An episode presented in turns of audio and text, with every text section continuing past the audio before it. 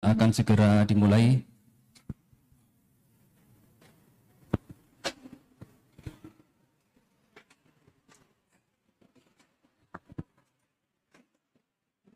Bismillah, Assalamualaikum warahmatullahi wabarakatuh. Innal hamdalillah nahmaduhu wa nasta'inuhu wa nastaghfiruh ونعوذ بالله من شرور أنفسنا ومن سيئات أعمالنا من يهده الله فلا مضل له ومن يضلل فلا هادي له أشهد أن لا إله إلا الله وحده لا شريك له وأشهد أن محمدا عبده ورسوله أما بعد جماعة sekalian, bapak-bapak, ibu-ibu, yang semoga dirahmati oleh Allah Subhanahu wa taala. Marilah senantiasa kita panjatkan puji syukur kehadirat Allah Subhanahu wa taala yang mana sampai detik ini kita masih diberi kesempatan oleh Allah untuk mendatangi rumah Allah di antara sekian banyak rumah-rumah Allah dengan maksud untuk tolabul ilmi mengkaji ilmunya Allah Subhanahu wa taala. Yang kedua, semoga salam serta salawat selalu tercurahkan kepada Nabi kita Muhammad alaihi salatu wassalam beserta keluarga beliau, para sahabat serta orang-orang yang mengikuti beliau dengan sunnah-sunnah beliau hingga di akhir zaman. Bapak-bapak, ibu-ibu yang semoga dirahmati oleh Allah Subhanahu wa taala. Alhamdulillah uh, di tengah-tengah kita telah datang Al Ustad Ali Nur Medan LC Hafizahullah Ta'ala beliau berasal dari kota Medan dan insya Allah pada kesempatan pagi hari ini beliau akan menyampaikan materi pengajian tentang kiat dilapangkan rezeki Masya Allah, judul yang bagus sekali. Kira-kira Bapak dan Ibu mau ndak dilapangkan rezekinya oleh Allah Subhanahu wa taala? Mau nggih Bang Alhamdulillah, insya Allah. Uh, semoga Allah senantiasa akan memberikan kita istiqomah ya sesuai dengan hadis Rasulullah Sallallahu Alaihi Wasallam yang diriwayatkan oleh uh, Bukhari Muslim Barang siapa yang menempuh jalan untuk mencari ilmu, maka Allah akan memudahkan jalannya menuju surga. Semoga kita senantiasa oleh Allah akan diberi kemudahan untuk jalan menuju surga dengan istiqomah menuntut ilmunya Allah Subhanahu wa taala.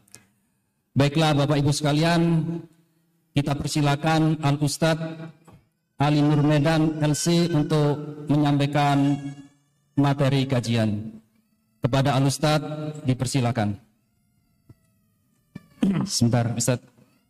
Infor, informasi uh, tambahan dari kami uh, nanti kajian sampai dengan pukul eh, uh, 10.30 kemudian dilanjutkan dengan sesi tanya jawab Ustaz. Tafadhol Ustaz.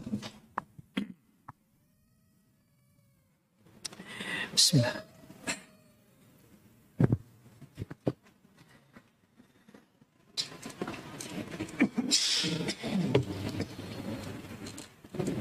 Assalamualaikum warahmatullahi wabarakatuh.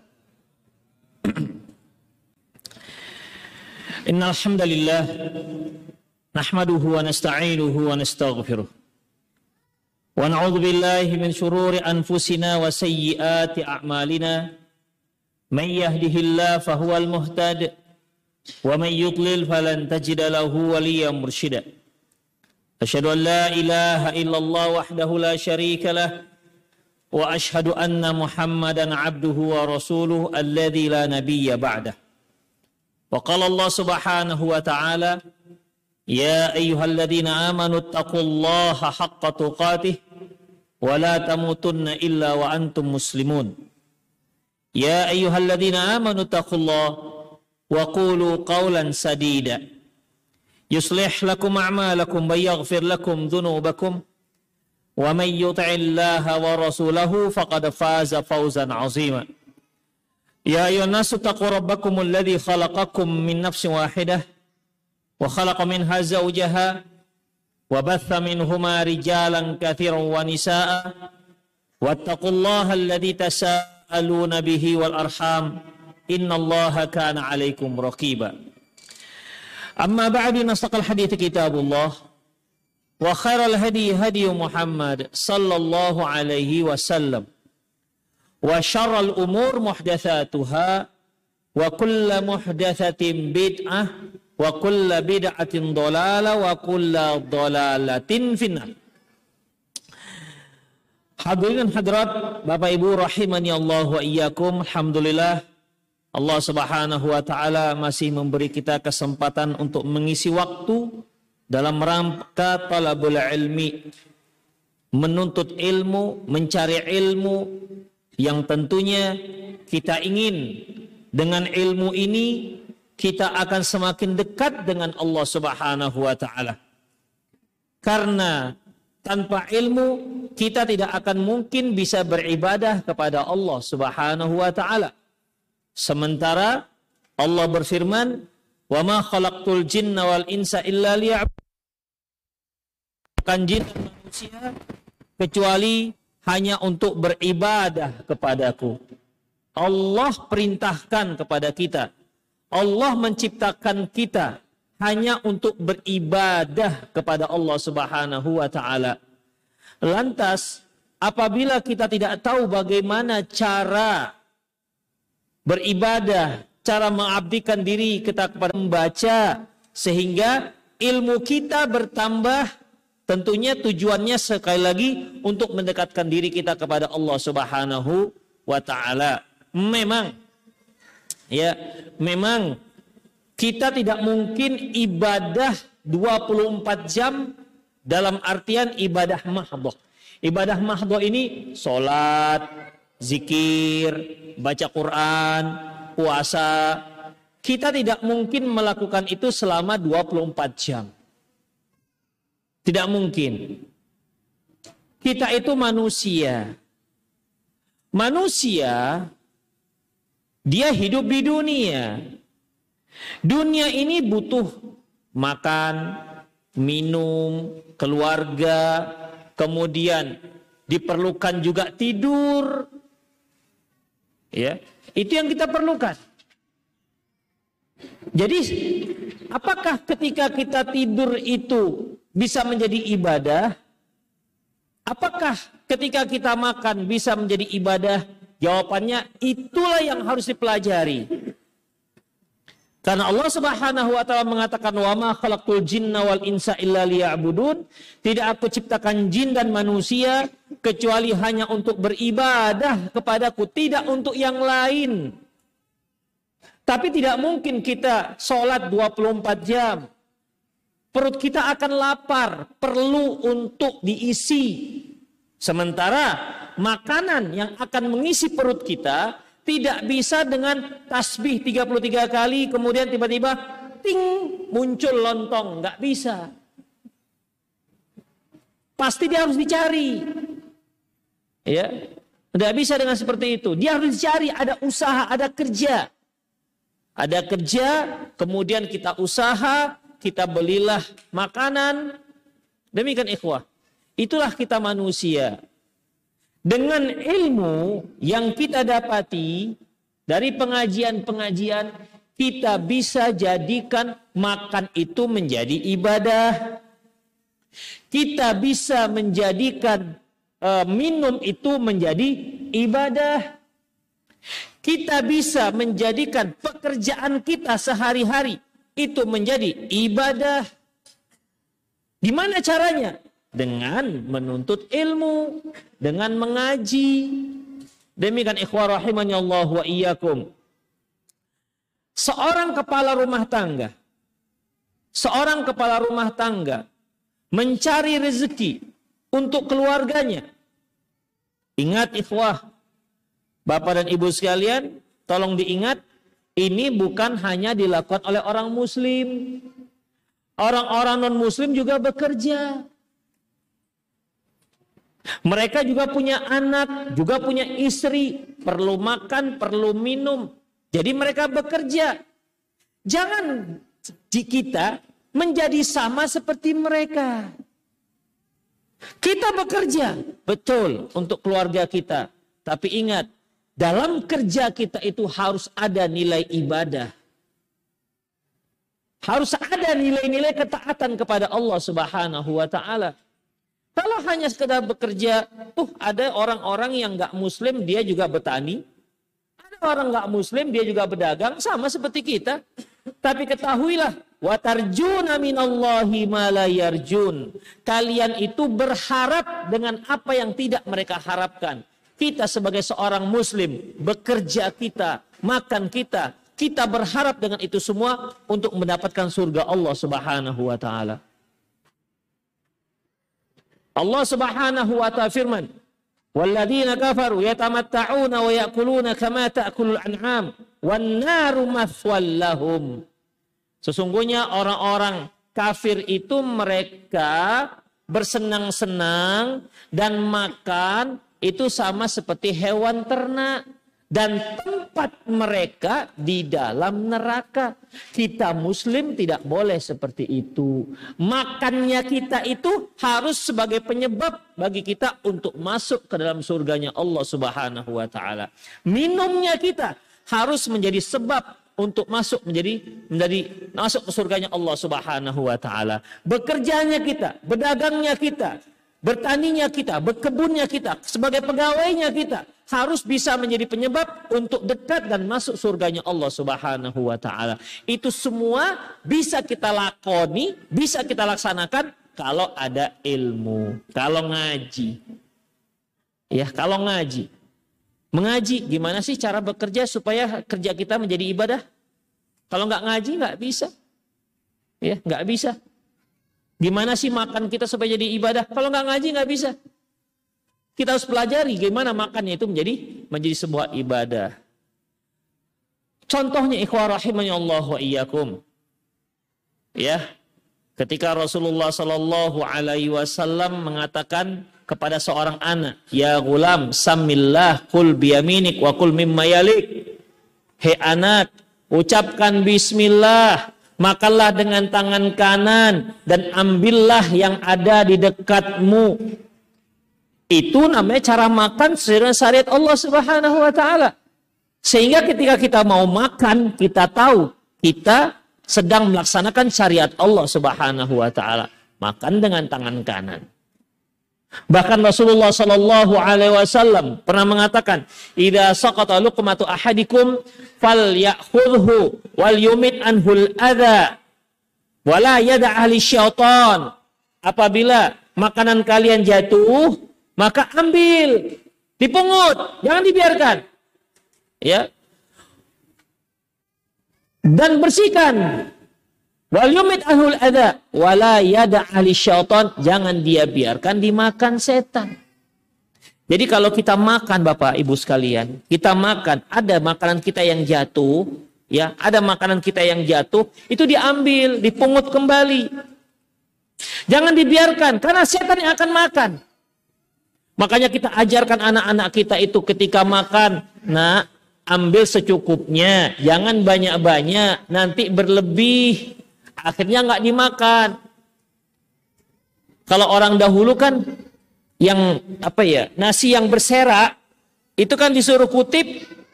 Nanti dikatakan nak dimakan nak sayang. Nanti nasinya nangis. Ya kan pak? Nanti nasinya nangis anak sekarang nggak bisa begitu pak apa iya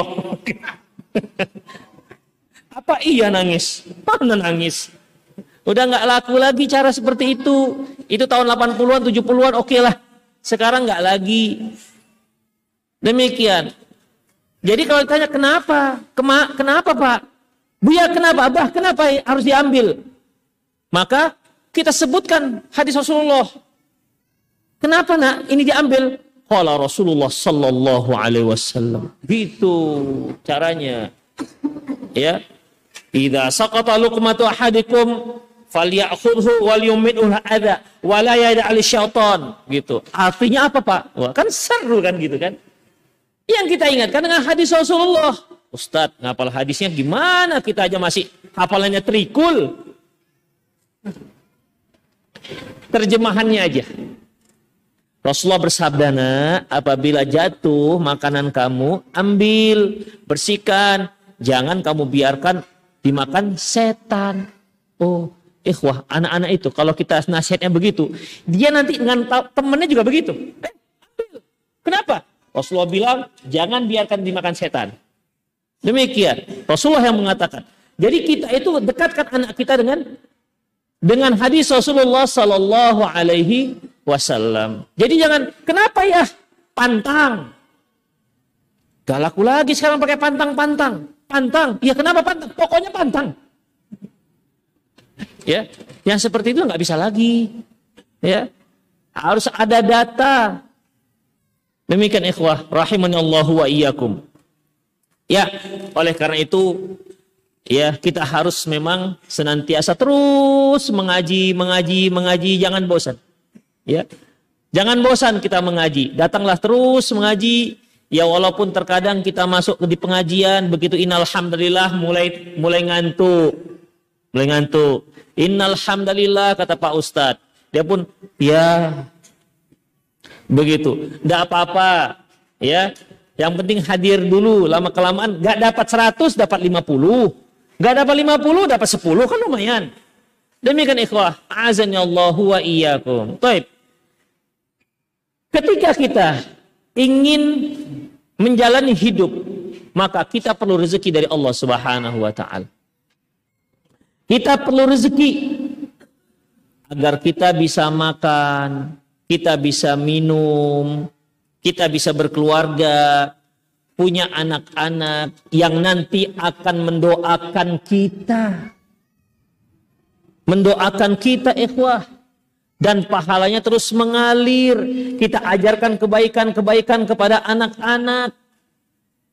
Rasulullah Sallallahu Alaihi Wasallam bersabda, "Idza mata ibnu Adam, inqata amalu illa min salatin." Apabila meninggal anak Adam, putus amalannya kecuali tiga hal al ilmu yuntafa'u bihi sadaqatul jariyah amal waladun saleh yad'ulah ilmu yang bermanfaat sedekah jariyah dan anak soleh yang mendoakan orang tuanya untuk menjadikan anak yang soleh juga perlu kesungguhan apalagi sekarang perlu sekolah sekolah sekarang di mana ada yang gratis? Di mana mas? Gratis sekarang. Kepinginnya kita gratis kalau bisa dari TK sampai kuliah. Di mana mau kita cari ya sekolah-sekolah yang gratis? Demikian ikhwah rahiminallah wa iyyakum. Perlu juga kita sebagai tulang punggung keluarga harus tetap tegar, dicari, dicari untuk anak dan istri kita. Dan itu merupakan dan itu merupakan nafkah yang terbaik untuk anak dan istri kita. Oleh karena itu ikhwah rahimanallahu wa iyyakum di sini ada beberapa cara yang Allah dan Rasulnya kabarkan kepada kita agar Allah melapangkan rezeki kita. Ya, kan kita ingin menjadi orang yang rezeki lapang, ingin rezeki kita itu melimpah ruah berkah, ya kan Pak? Ya, kita kan ingin, ingin begitu. Ingin rezeki kita meli, melimpah ruah berkah. Demikian. Bapak-bapak kepingin nggak punya mobil? Enggak. Oh di sini nggak pengin ya? Hah? Tentu kepingin kan? Kepingin. Punya kendaraan, kepingin. Untuk mendapatkannya bisa dengan takbir 33 kali kemudian datang kendaraan. Kan tidak. Harus ada usaha.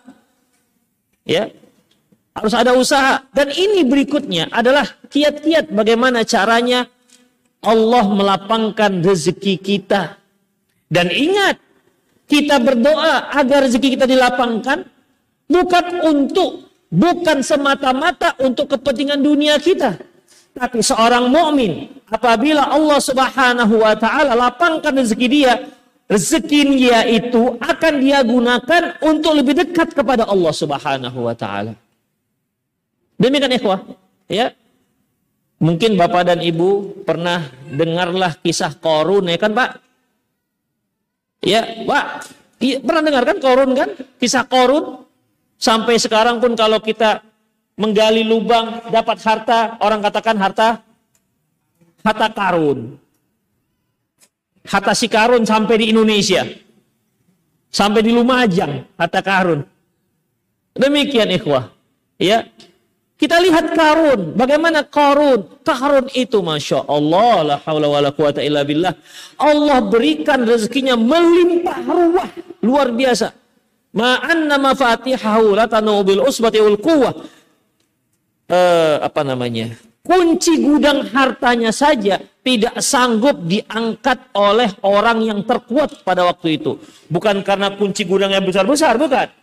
Ya, saking banyaknya gudangnya, dan masing-masing gudang hartanya ada kunci. Saking banyaknya kuncinya, itu tak bisa diangkat oleh seorang yang kuat sekalipun. Demikian ikhwah rahimunallah wa iyyakum. Nabi Musa mengajak dia untuk beriman kepada Allah Subhanahu wa taala. Untuk beriman kepada Allah Subhanahu wa taala. Tapi sayangnya apa kata Pak Karun ini? Ya, Qala innama utituhu ala ilmin indi. Musa, harta ini bisa aku kumpulkan sehingga aku menjadi kaya raya itu dikarenakan ilmuku. Nah, sombong dia. Mulai songong ini si si Korun. Siapa bilang orang kalau dia hebat berdagang dia pasti kaya? Siapa bilang kalau dia seorang yang bekerja keras pasti kaya? Enggak. Banyak orang yang kerja keras tapi tak kaya-kaya. Banyak yang orang bekerjanya biasa-biasa saja tapi juga tapi dia kaya raya. Demikian. Kenapa? Karena yang memudahkan rezeki kita itu Allah. Bukan kehebatan kita. Memang ilmu merupakan modal kita sebagai trik ataupun cara untuk berdagang bagaimana caranya supaya laris. Tapi yang pertama itu adalah Allah Subhanahu wa taala, bukan kehebatan kita. Jadi kalau ada orang yang ber, orang yang ditanya, e, "Maaf Bapak, kita boleh wawancara? Boleh. Bagaimana caranya sampai Bapak bisa menjadi kaya raya seperti ini?" Kalau dia katakan, "Kita harus kerja keras, banting tulang." Ini korun, ini korun. Ikhwah berapa banyak orang yang banting tulang. Berapa banyak orang yang kerja keras. Tak kaya-kaya juga. Berapa banyak orang yang banting tulang sampai hancur tulangnya Tuhan. Tak kaya-kaya juga. Perhatikan bukan itu sebabnya. Sebab utama bukan itu. Itu sebab-sebab berikutnya. Sebab pertama adalah Allah subhanahu wa ta'ala. Allah yang melapangkan. Ikhwah rahimani Allah wa iyyakum. Baik. Apa saja hal-hal yang perlu kita ketahui agar Allah melapangkan rezeki kita? Ya. Agar Allah bisa melapangkan rezeki kita. Yang pertama, ikhwah azanallahu wa iyyakum banyak istighfar. Banyak-banyak istighfar. Siapa yang mengatakan banyak istighfar ini bisa membuat kita bisa menjadikan rezeki kita menjadi menjadi mudah? Allah yang sebutkan dalam surat Nuh ayat 10 sampai 12. Allah Subhanahu wa taala firman tentang ucapan Nabi Nuh, "Faqultu astaghfiru rabbakum." Nabi Nuh berkata, "Faqultu astaghfiru rabbakum." Aku katakan, istighfarlah kalian kepada Allah. Innahu kana ghaffara. Sesungguhnya dia itu maha pengampun. Yursilis sama'a alaikum midrara. Allah subhanahu wa ta'ala akan menurunkan hujan dari langit wa yumdidukum bi amwali wa banin dan Allah akan perbanyak hartamu dan anak-anakmu wa yaj'al lakum jannati wa yaj'al lakum anhara Allah akan suburkan uh, kebunmu dan Allah akan alirkan sungai-sungaimu dari apa? Istighfar tadi. Fahultu astaghfiru rabbakum. Katakan, banyak-banyaklah kalian istighfar dan taubat kepada Allah Subhanahu wa taala. Berarti memperbanyak istighfar dapat memudahkan rezeki. Imam Hasan Al-Basri ketika ada orang yang bertanya tentang kemiskinan yang sedang melandanya. Imam Hasan Al-Basri mengatakan alaika bil istighfar. Hendaklah kamu banyak istighfar. Ada seorang yang sering gagal panen. Dia tanya kepada Hasan Al-Basri rahimahullah. Apa jawab Hasan Al-Basri? Hendaklah dia banyak istighfar. Bahkan ada seorang yang sampai sekarang, sampai saat itu, belum juga punya anak, sudah bertahun-tahun menikah, belum juga punya anak. Ditanyakan kepada Hasan al-Basri, apa jawabannya? Alaika bi istighfar. Hendaklah kamu istighfar. Apa dalilnya? Ayat ini tadi.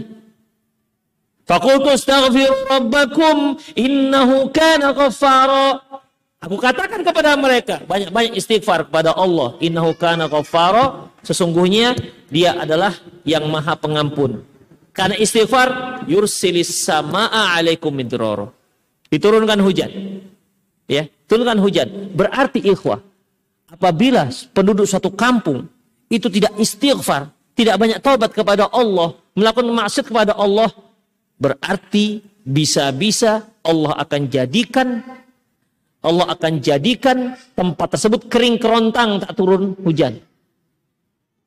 Dalam sebuah hadis Rasul pernah mengatakan, "Laulal bahaim." Seandainya bukan dikarenakan hewan-hewan, binatang-binatang ternak, lam yumtiru, pastilah tidak akan turun hujan. Ya. Kalau tempat kita masih turun hujan, jangan kita itu wah, berarti penduduk kita masih takwa-takwa semua ini. Bagus-bagus, soleh-soleh, belum tentu. Jangan-jangan Allah turunkan gara-gara lembu, gara-gara sapi, gara-gara kambing, gara-gara hewan-hewan ternak. Belum tentu. Demikian. Jadi bagaimana? Kita istighfar, banyak istighfar pada Allah Subhanahu wa taala. Wa yumdidukum bi amwali wa banin. Allah akan perbanyak harta dan anak. Anak. Jadi anak Allah berikan dikarenakan kita banyak istighfar. Bapak dan Ibu sekalian, kita itu makhluk yang banyak dosa. Kita makhluk yang banyak dosa. Dan harus kita akui itu. Rasulullah yang mengatakan, Kullu bani Adam khatta'un, wa khairu khatta'in at-tawwabun. Semua anak Adam itu berdosa. Semua anak Adam itu bersalah. Dan sebaik-baik orang yang bersalah adalah yang bertobat. Perhatikan, salah diiringi dengan taubat. Berarti makna salah ini adalah dosa. Enggak semua salah itu dosa. Misalnya Bapak pulang nih nanti dari kajian, kemudian salah ambil sendal. Dosa nggak kira-kira? Nggak sengaja. Dosa nggak Pak? Dosa, dosa kayak? Enggak kan? Salah ambil sendal. Dia datang ke masjid pakai sendal jepit. Pulang kok ambilnya sendal kulit. gitu. Tapi tak sengaja, berdosa nggak? Enggak, berdosa. Salah apa tidak dia? Salah, salah. Ambil salah. Tapi kan enggak berdosa. Perlu tobat. Enggak perlu tobat. Ya Allah, saya salah ambil sendal. Enggak perlu kalau memang silap. Cukup dia pulangi sendalnya. Jangan ditahan di rumah. Oh, kata ustadz itu memang salah sih, tapi enggak berdosa. Ya sudahlah, tetap saja di rumah sendalnya. Demikian. Jadi bagaimana ikhwah? Pulangkan, bawa ke masjid. Mana tahu orangnya ada yang balik lagi, cari-cari sendalnya. Ikhwah rahimanallahu wa iyyakum.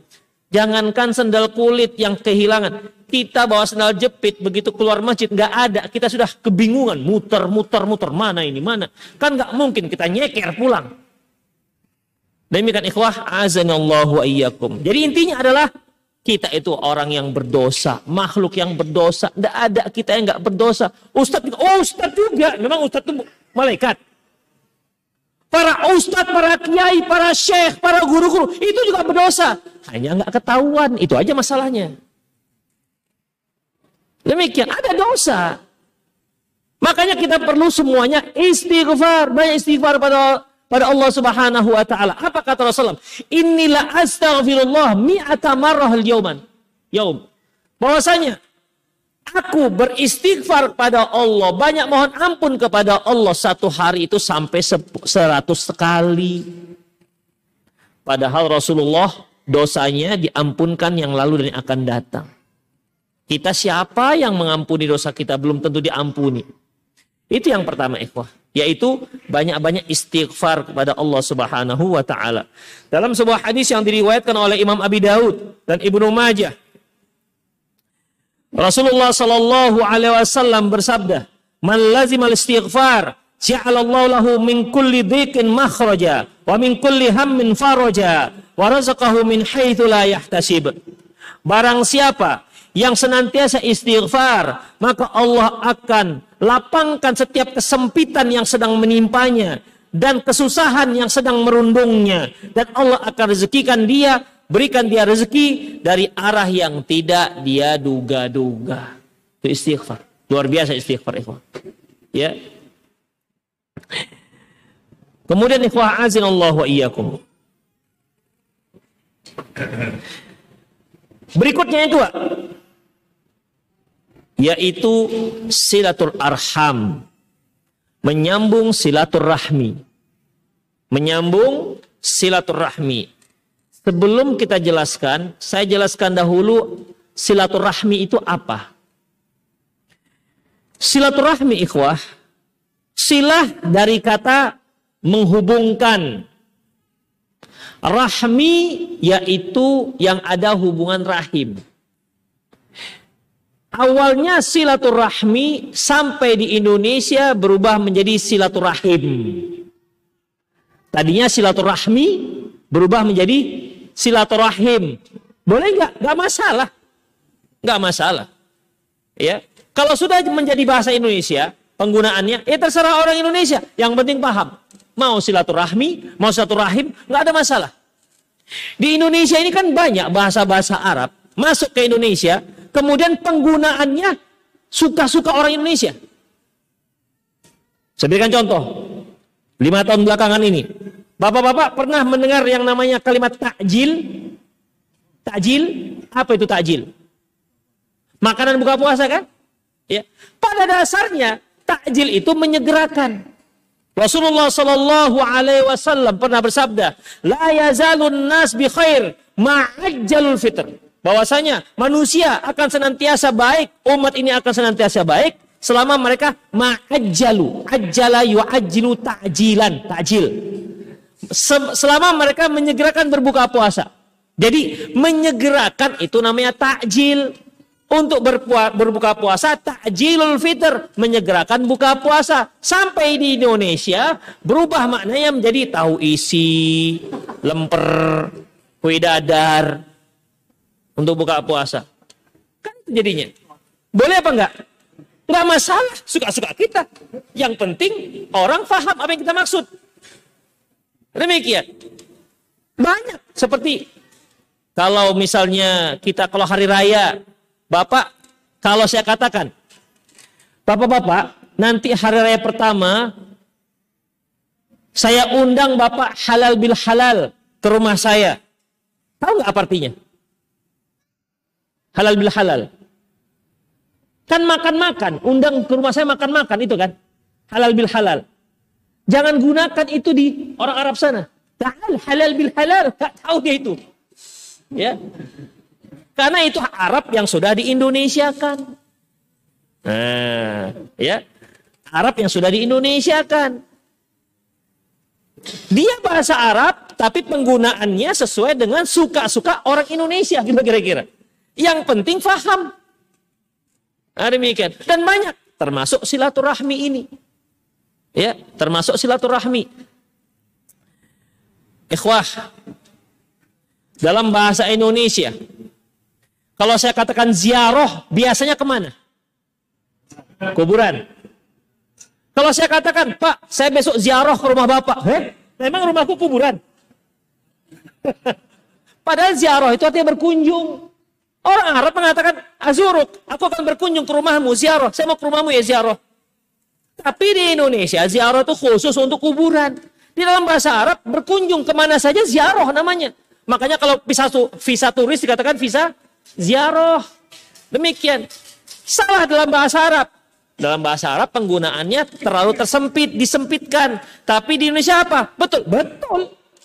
Betul, suka-suka orang Indonesia. Yang penting paham, itu aja. Baik, termasuk silaturahmi. Ya. Satu lagi lah, satu lagi. Kalau biasanya kalau sudah ngaji, manggil istri apa biasanya? Umi. Ya. Istrinya pun manggil suaminya Abi.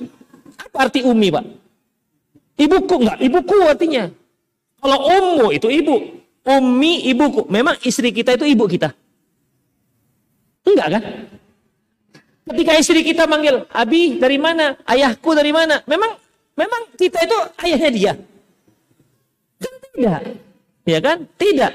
Tapi kebiasaan orang Indonesia selalu memanggil suaminya ingin me, ditiru oleh anaknya nanti. Ketika nggak punya anak, bolehlah panggilnya beb yang gitu kan.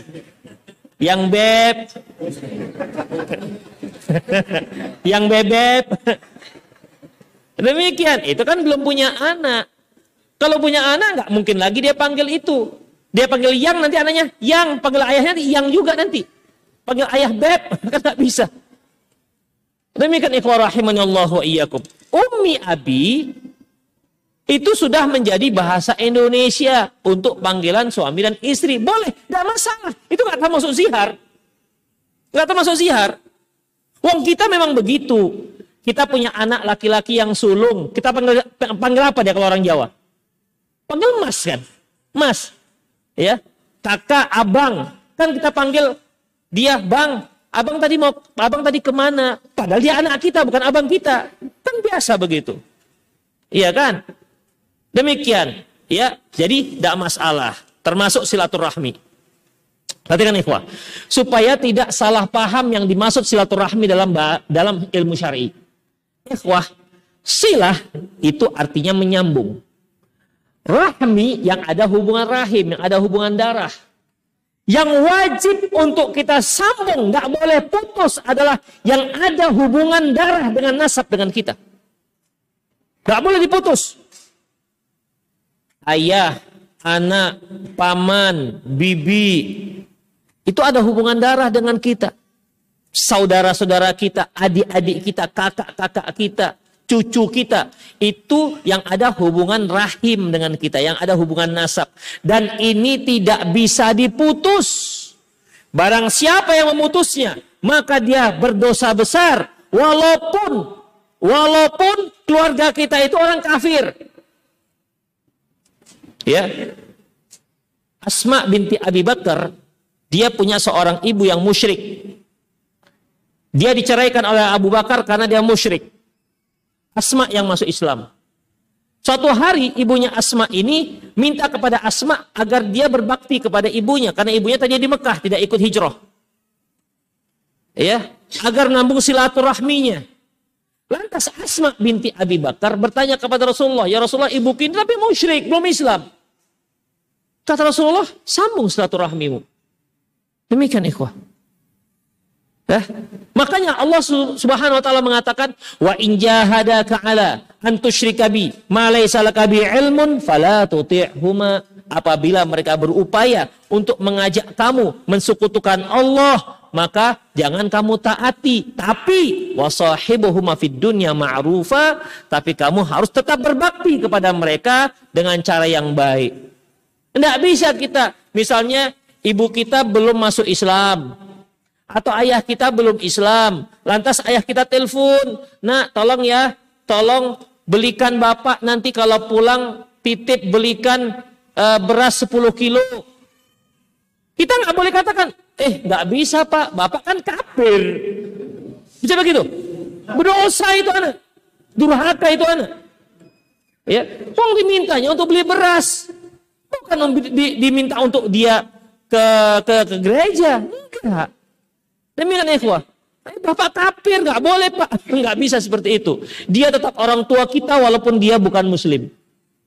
Selama dia mengajak kita pada yang baik, maka kita wajib mentaatinya. Ya. Apalagi kalau ada uh, kalau ada yang begini yang lebih parah lagi. Uh, Pak, anak tolong ya. Uh, Dik, tolong belikan Abang uh, kecap. Oh, maaf Bang, Abang kan nggak salapi. Lebih, lebih parah lagi kalau gitu. Sempat ada masalah kayak gini. Sempat kejadian masalah seperti ini. La ilaha illallah.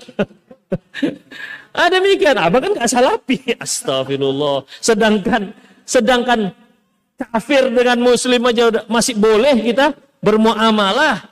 Demikian ikhwah rahimani Allah wa. Itu yang sudah-sudah lah ya. Ya kata fitin Allah wa iyyakum. Jadi dalam masalah ini itu silaturahmi. Tapi kita sering pakai silaturahmi ini berkunjung. Misalnya saya mau ber, saya Ustadz, kami mau berkunjung ke, mau bersilaturahmi ke rumah Ustadz. Oh iya silahkan. Sebenarnya itu bukan silaturahmi yang dimasuk oleh syariat. Berapa banyak kaum muslimin yang dia karena salah memahami dengan temannya Masya Allah silaturahmi sering sering saling mengunjungi tapi bermasalah dengan abangnya Tak cakapan sudah tiga tahun. Ini salah. Dengan teman itu bukan silaturahmi. Berkunjung, mempererat ukhuwah. Bukan silaturahmi. Islam yang memaknai silaturahmi itu menguatkan hubungan kita yang ada nasabnya, yang nggak bisa putus. Demikian.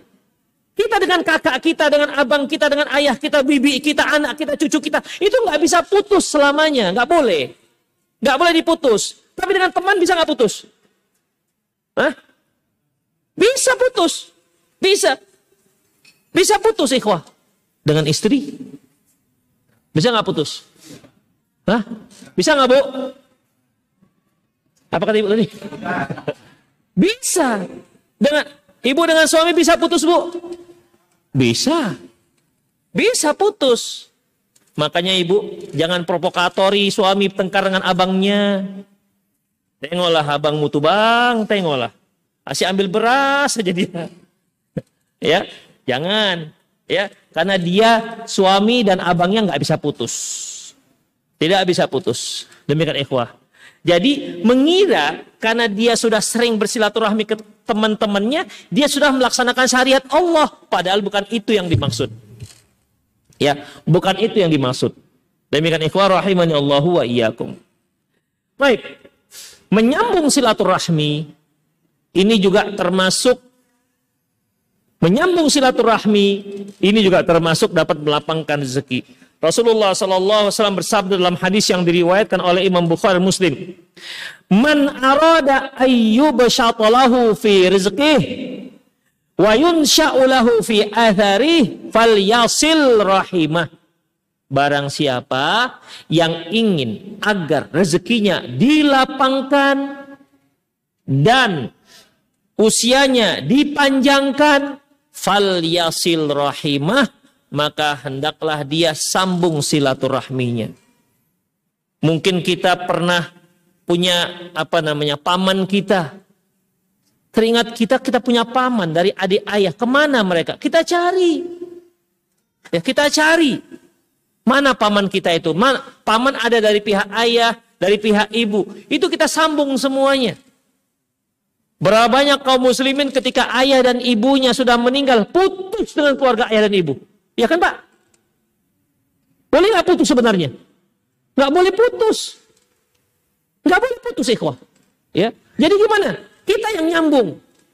Ya, kita cari mereka, kita datangi ke rumah mereka, ya, kita silaturahmi kepada mereka, berkunjung ke rumah mereka, ya bawalah sedikit kan entah apalah, entah jeruk, entah eh, yang bisa sebagai oleh-oleh mempererat ukhuwah atau undang dia makan ke rumah atau kita yang ke rumah dia. Jangan putus. Jangan putus. Demikian ikhwah Allah wa iyyakum. Apalagi family-family ter terdekat yang termasuk mahram kita. Ya. Kemudian ikhwah, fal yasil rahimah, maka hendaklah dia sambung silaturahminya. Itu dia. Jadi kalau kita dengar, eh, itu family kita ya. Cari apa silsilahnya. Silsilahnya kok sampai ke dia, ini gimana ceritanya. Demikian. Jangan sering sekarang ini ikhwah. Kita itu sudah tidak kenal dengan sepupu. Tidak kenal dengan sepupu. Jadi ayah kita punya anak. Kalau dulu kan anak ayah-ayah dulu kan banyak-banyak pak. 11, 12 gitu kan. Sekarang ya dua, satu, ya Allah begitu nikah sepi di rumah. Demikian. Iya. Dan mereka ini, oke anaknya, udah usah banyak-banyak lah, 8 saja, 8 anaknya.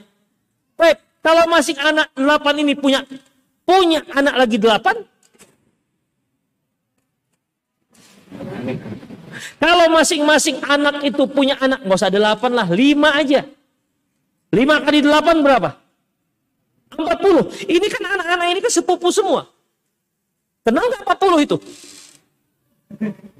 Coba, empat puluh itu?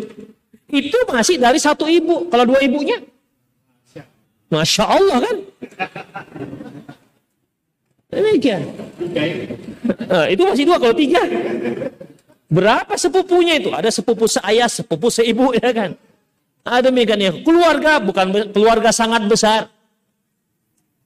Demikian. Ini harus dicari. Ya, kita sambung. Supaya apa ikhwah? Allah lapangkan rezeki. Dan memang saya amat amati Masya Allah. Orang-orang yang suka seperti ini.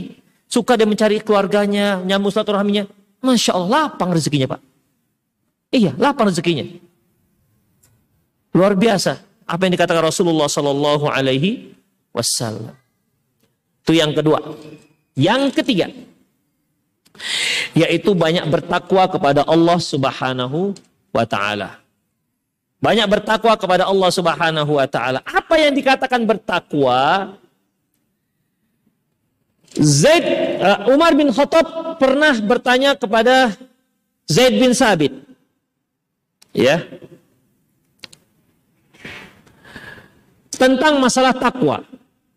Kata beliau, "Ama salakta tariqan syaukin?"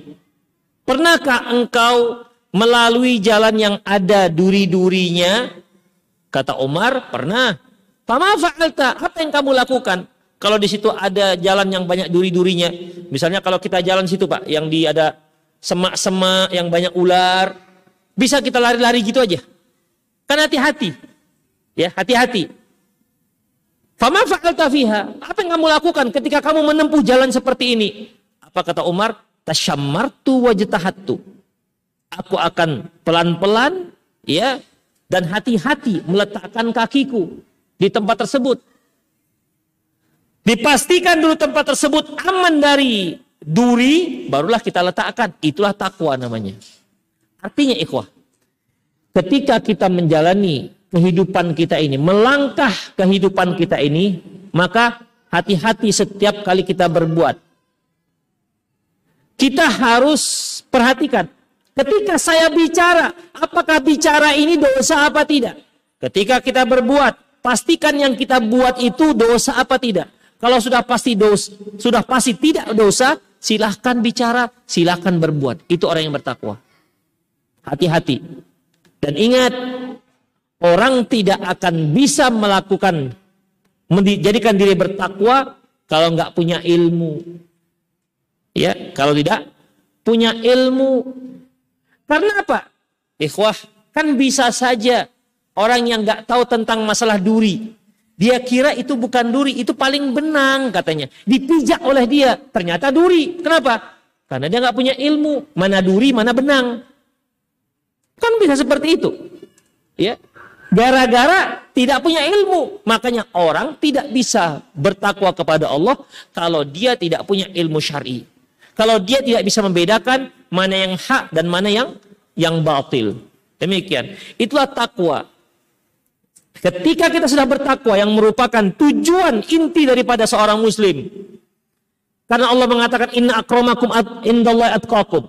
Sesungguhnya orang yang paling mulia di antara kalian adalah yang paling bertakwa kepada Allah Subhanahu wa taala. Ya. Apa kata Allah Subhanahu wa taala dalam dalam surat At-Talaq Ya. Dalam surat Talak wa may yattaqillah itu kita ayat 3 atau 4. Ya. Wa may yattaqillaha yaj'al lahu makhraja. Barang siapa yang bertakwa kepada Allah, Allah akan beri dia jalan keluar. Wa yarzuquhu min haitsu la yahtasib dan Allah akan memberi dia rezeki dari arah mana saja yang tidak dia ketahui. Masya Allah. Ini rezeki masjid kita ini juga Masya Allah ceritanya tadi pagi. Ya, rezeki dari yang tidak diduga-duga. Rezeki yang tidak diduga-duga. Luar biasa Eko. Ya. Jadi kita dekatkan diri kita kepada Allah, takwakan diri kita kepada Allah, Allah akan mudahkan rezeki kita. Kemudian apa lagi ikhwah? Azan ya Allah wa iyyakum. Berinfak. Ternyata semakin banyak kita berinfak, semakin Allah mudahkan rezeki kita. Ya. Allah Subhanahu wa taala firman, "Wa man qudira 'alaihi rizquhu falyunfiq mimma atahu Allah." Barang siapa yang Allah sempitkan rezekinya falyunfiq mimma atahullah maka hendaklah dia berinfak sesuai dengan apa yang Allah berikan kepada dia. Allah juga berfirman dalam surah Al-Baqarah ayat 261. Mathalul ladzina yunfiquna amwalahum fi sabilillah. Permisalan orang yang menginfakkan hartanya di jalan Allah Masalul latina yunfiquna amwalahum fi sabilillah kamathali habbatin ambatat sab'a sanabila fi kulli sumbulatin mi'atu habbah. Itu sama seperti seorang yang sedang menanam satu bibit. Satu bibit ini akan menumbuhkan tujuh cabang. Masing-masing cabang akan menumbuhkan seratus bibit. Wallahu yudha'ifu liman yasha. Allah akan melipat gandakan sebanyak yang lebih daripada itu sekehendaknya. Jadi satu akan dilibatkan oleh Allah Subhanahu wa taala menjadi 700. Ya. Ikhwah azallahu wa iyyakum. Selanjutnya haji dan umroh. Ya.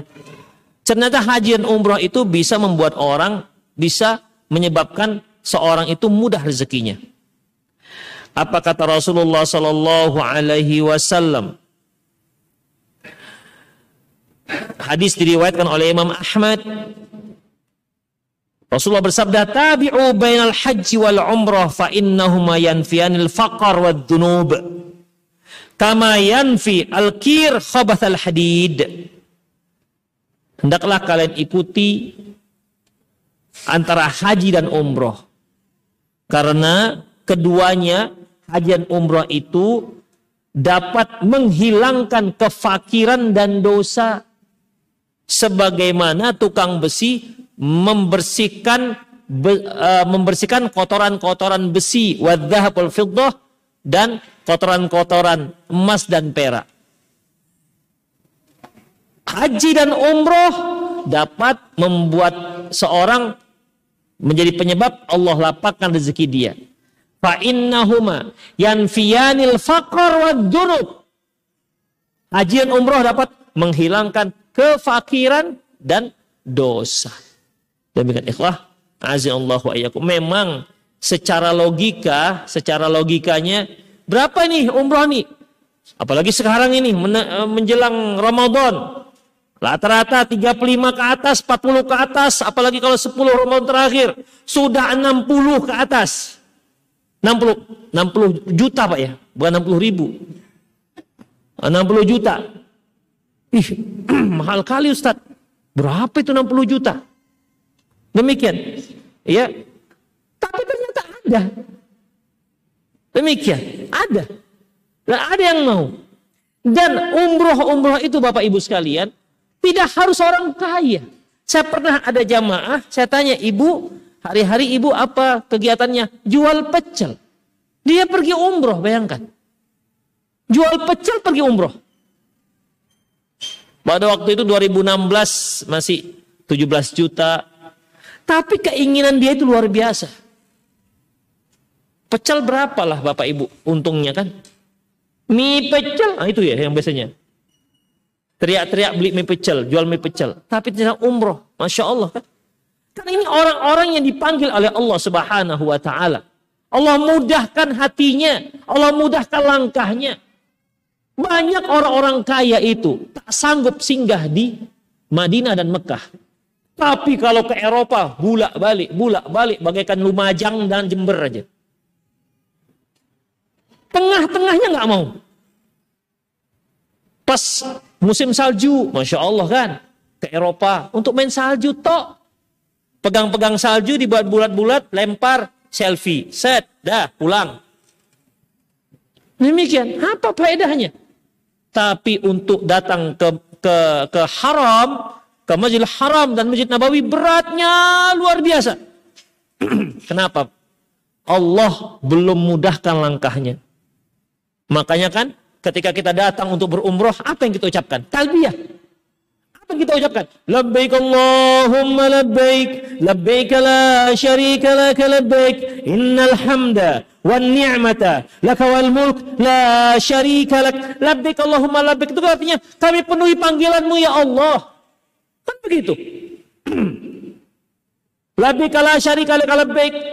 Kami penuhi panggilanmu ya Allah yang tidak ada sekutu bagimu. Innal hamda sesungguhnya uh, puji-pujian. Wan ni'mah dan nikmat laka hanya milikmu ya Allah jadi kita ke sana itu bukan karena kita hebat bukan Bukan dikarenakan kita kaya, tidak. Allah yang mudahkan. Makanya innal hamda, segala pujian milikmu ya Allah. Jadi kalau mau dipuji Allah bukan kita. Eh, pulang-pulang dipanggil pulang-pulang haji.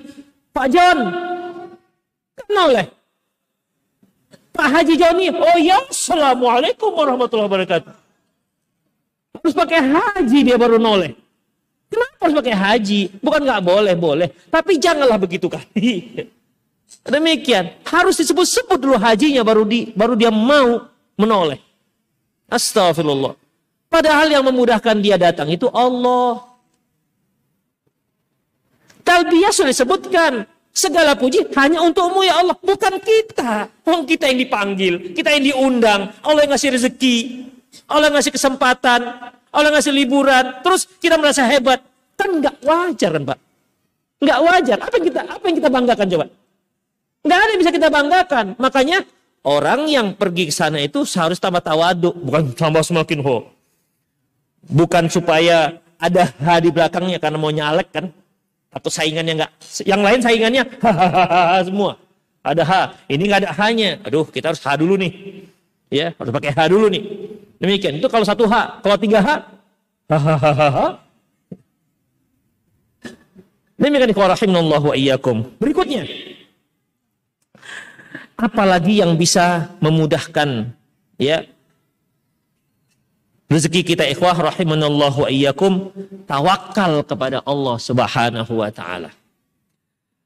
Rasulullah sallallahu alaihi wasallam bersabda, "Lau annakum tatawakkaluna 'ala Allah haqqut tawakkuli, haqqut tawakkuli." Seandainya kalian bertawakal kepada Allah dengan sebenar-benar bertawakal, la razaqakumullah kama kama yurzaqut tair kalian akan Allah beri rezeki seperti Allah beri rezeki kepada burung. Tagnu khemasan. Pergi dia meninggalkan sarangnya dalam keadaan perut lapar kemudian watarahu wataruhu bitonan pulang sudah kenyang Bapak dan Ibu sekalian pernah nggak burung itu mikirkan untuk makanannya besok Aduh, kita simpan dulu nih untuk makanan besok. Kenapa? Nggak ada lumbung padinya nggak ada itu di, di sarang dia nggak ada. Dia nggak mikirkan untuk besok. Tapi ketika dia keluar rumah dalam keadaan lapar, dia masih sempat untuk berkicau. Coba kita keluar rumah dalam keadaan lapar, cemburut begitu kan. Apalagi sudah jam 10, jualan belum buka dasar. Masya Allah, keriput begitu. Udah tua tambah tua dia. Kenapa bang? Belum buka dasar. Tahu pak, belum buka dasar maksudnya? Hah? Mana tahu istilah Medan beda dengan Lumajang? Belum buka dasar, ngerti kan pak? Belum ada yang beli. Hah? Demikian. Belum laku, belum ada yang laku sejak pagi, sejak buka belum ada yang laku. Itu belum buka dasar kalau orang Medan bilang. Baik, jam 10 sesak napasnya. Jam 11 tambah sesak, belum juga tambah keriput. Kenapa bang? Belum buka dasar. Demikian, khawatir sekali.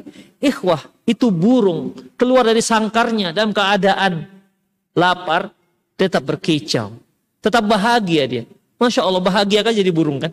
Tapi bapak dan ibu jangan minta jadi burung. Sudah cukup bapak jadi manusia aja. Demikian ikhwah. Pulang pasti kenyang. Itulah tawakalnya. Tawakal burung. Makanya Rasulullah katakan. Kalau kalian benar-benar tawakal kepada Allah. Allah akan berikan rezeki seperti rezekinya burung. Perginya lapar, pulang yang pasti kenyang. Tanpa memikirkan besok kita makan apa ya. Besok kita, enggak, enggak mikir lagi. Besok kita cari besok. Nah demikian. Jadi Ustadz ini maksudnya apa ini? Falsafat burung ini maksudnya apa? Dapat hari ini, habiskan hari ini maksudnya? Bukan itu yang diambil. Bukan itu yang diambil. Artinya kita tetap tawakal kepada Allah. Makanya kan Rasulullah katakan tawakalnya. Bukan menghabiskan hari itu, bukan. Ya. Tawakalnya, pokoknya kita bismillah, kita keluar rumah, kita mencari rezeki dari Allah Subhanahu wa taala yang halal. Itu dia, yang halal. Bismillah. Mau dapat, nggak dapat, itu urusan Allah subhanahu wa ta'ala. Demikian. Ibu-ibu juga harus bantu suaminya ya bu. Ketika bawa pulang hanya misalnya 30 ribu, jangan dipukulkan itu palang pintu ke kepala suami. Berapa bang setorannya? Mana, mana, mana? Ini dek, pulang, pulang. Balik, balik, balik. Kerja lagi, kerja lagi. Tidak sampai target ini. Ya Allah, kasihan kali itu suami. Kalau ada istri seperti itu nasihati cepat, kalau enggak cari lagi aja udah. Tapi dinasihati dulu pak, nasihati dulu. Jangan ambil sepotong terakhir aja ya. Jangan ambil sepotong yang terakhir. Ganti yang lain, jangan itu dulu, nasihati dulu.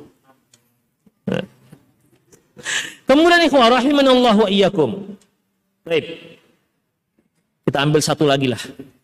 Ya, yaitu Ikhwah rahimanallah wa iyyakum bekerja pagi-pagi hari. Itu dia. At-tabkir bekerja pagi hari.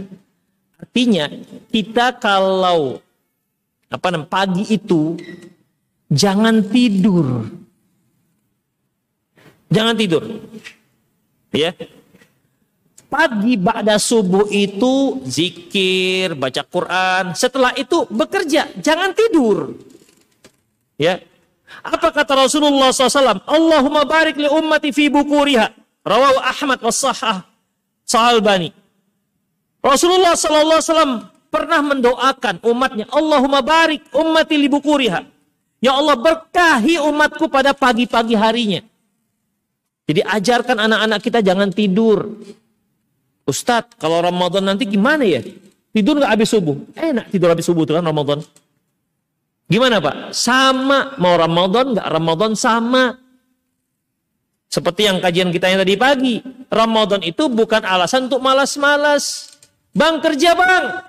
Aduh dek, abang kan puasa dek. Nantilah kerjanya jam-jam 10 keluar rumah. Jam 10 sudah panas malas. Aduh dek, panas dek. Abang tidur lagi ya dek. Ikhwah azinallahu iyyakum. Ramadan tidak bisa dijadikan sebagai alasan untuk malas-malas. Ya, puasa-puasa, kerja tetap. Bismillah, cari rezeki Allah Subhanahu wa taala. Ya, cari karena kita sedang berjihad. Fisabilillah. Ada seorang sahabat di mana waktu itu Rasulullah dan sahabat sedang jalan melihat sahabat ini sangat kuat dia bekerja. Apa kata sahabat-sahabat? Ya Rasulullah, karena hada fi sabilillah. Ya Rasulullah, seandainya dia seperti ini semangatnya, dia lakukan itu dalam jihad fisabilillah, perang. Tentu sangat bagus. Kata Rasulullah, enggak, enggak harus. Ingkana kharaja liyasa ala abawaini kabiraini fahuwa fi sabilillah. Kata Rasulullah, kalau dia keluar rumah, berusaha untuk menafkahi dua orang tuanya yang sudah yang sudah tua renta, fahuwa fisabilillah. Itu juga fisabilillah. Wa in kana kharja liyas'a ala auladi sigar, fahuwa fisabilillah. Demikian juga kalau dia keluar rumah untuk menafkahi anak-anak yang masih kecil, fahuwa fisabilillah. Itu juga fisabilillah. Wa in kharaja wa in kana wa in kana kharaja liya'iffa nafsahu kalau dia keluar rumah untuk menjaga kehormatan dia, jangan sampai minta-minta. Fahuwa fisabilillah. Itu juga fisabilillah. Jadi bapak-bapak yang keluar rumah nyangkul, itu fisabilillah loh pak. Setiap tetes keringat yang mengalir dari dari dahi bapak itu, itu pahalanya luar biasa. Makanya semangat bekerja. Ya. Jangan begitu nyangkul, misalnya begini kali nasib saya ini. Longso, jangan. Ya. Jangan longso. Itu jihad fisabilillah loh. Berpahala. Berpahala. Ibu-ibu juga begitu. Ngurusin rumah. Ya, ngurusin rumah. Itu juga jihad fisabilillah. Banyak pahalanya. Misalnya nanti ibu pulang dari kajian ini, tengok di rumah berantakan. Piring banyak menumpuk. Maka jangan ibu pusing. Aduh, ya Allah, astagfirullah. Jangan begitu. Tapi gimana? Alhamdulillah, ini pahala semua ini. Begitu. Jadi ibu-ibu itu bisa betah di rumah. Ya, bisa betah di rumah. Tidak merepet, oh merepet. Bahasa Medannya apa ya bahasa Jawanya?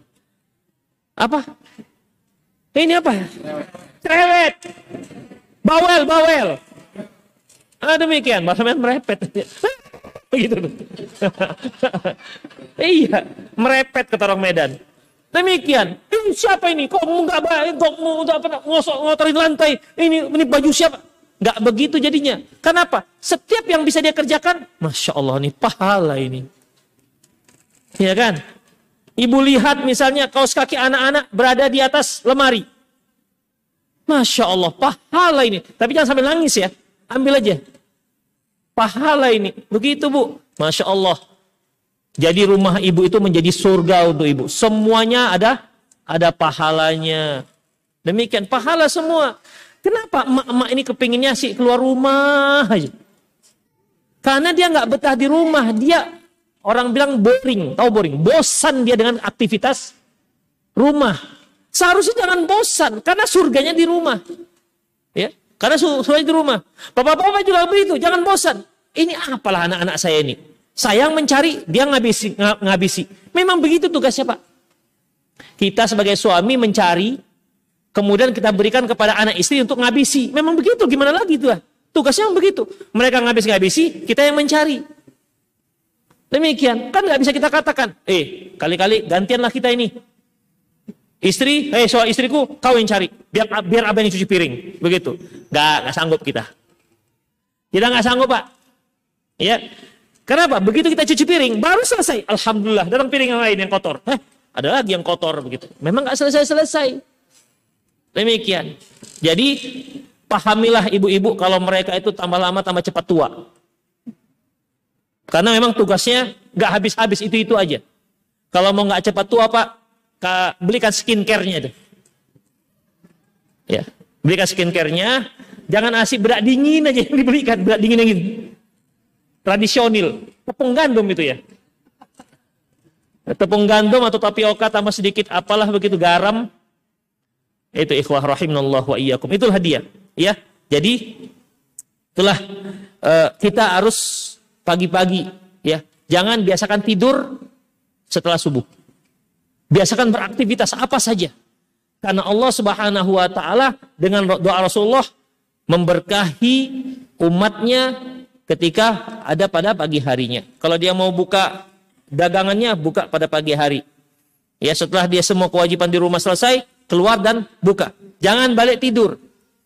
Karena kalau sudah kita tidur habis subuh, Masya Allah itu bangunnya berat bangunnya. Ya berat bangunnya. Taib wa itu saja kajian kita semoga bermanfaat. Waktu kita sudah habis sudah melewati apa yang diberikan oleh panitia. Tadi sudah kedip-kedip panitia tadi nampaknya.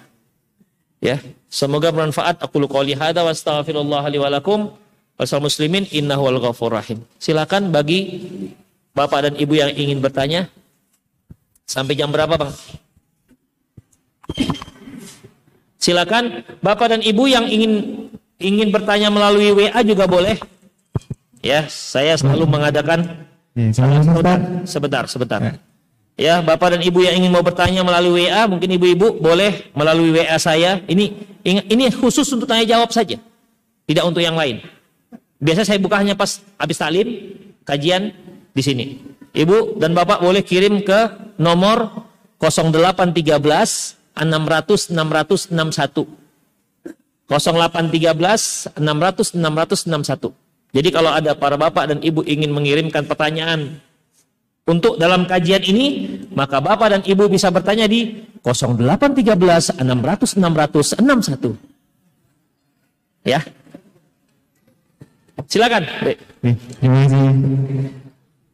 Assalamualaikum Pak Ustaz. Eh, saya mau bertanya, apakah boleh kita berinfak tapi eh, apa itu niatnya itu ingin melampaukan rezeki kita, bukan karena Allah Subhanahu wa taala. Coba jawabkan dikit, agak menggema. Oh, gini. Gimana?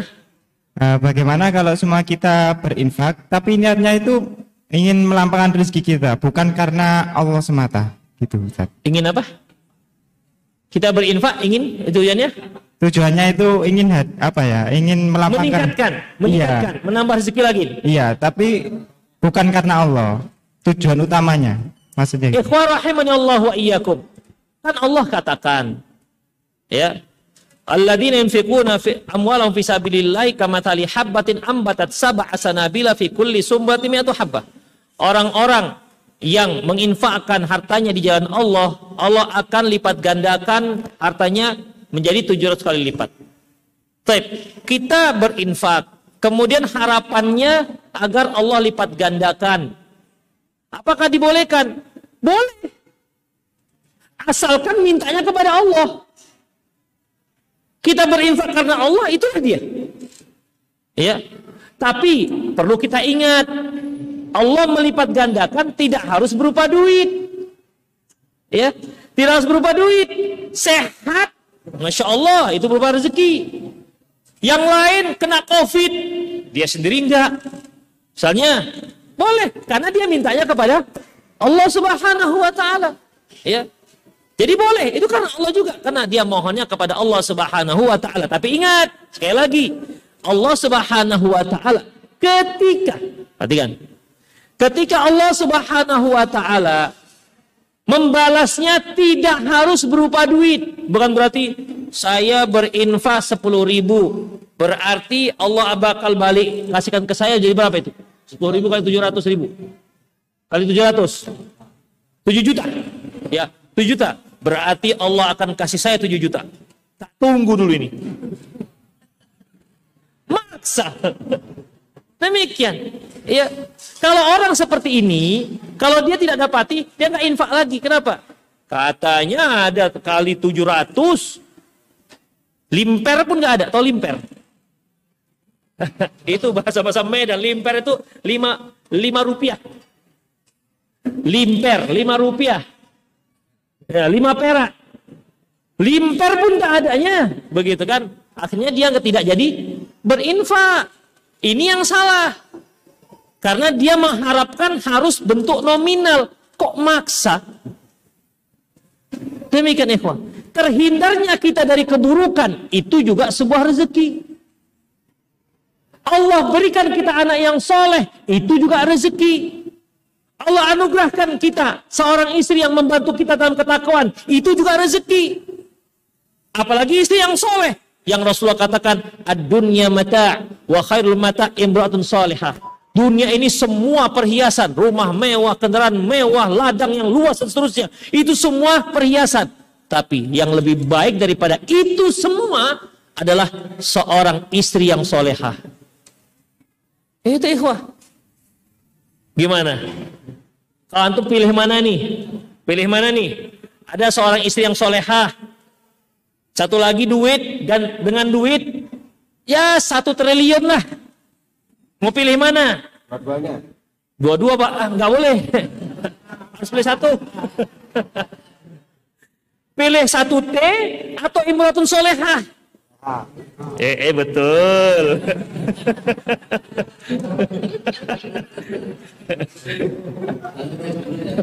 oh gitu ya. Ambil tuh satu T-nya baru cari yang solehah gitu. Allahu Akbar. Jadi begitu ya. Allahu a'lam.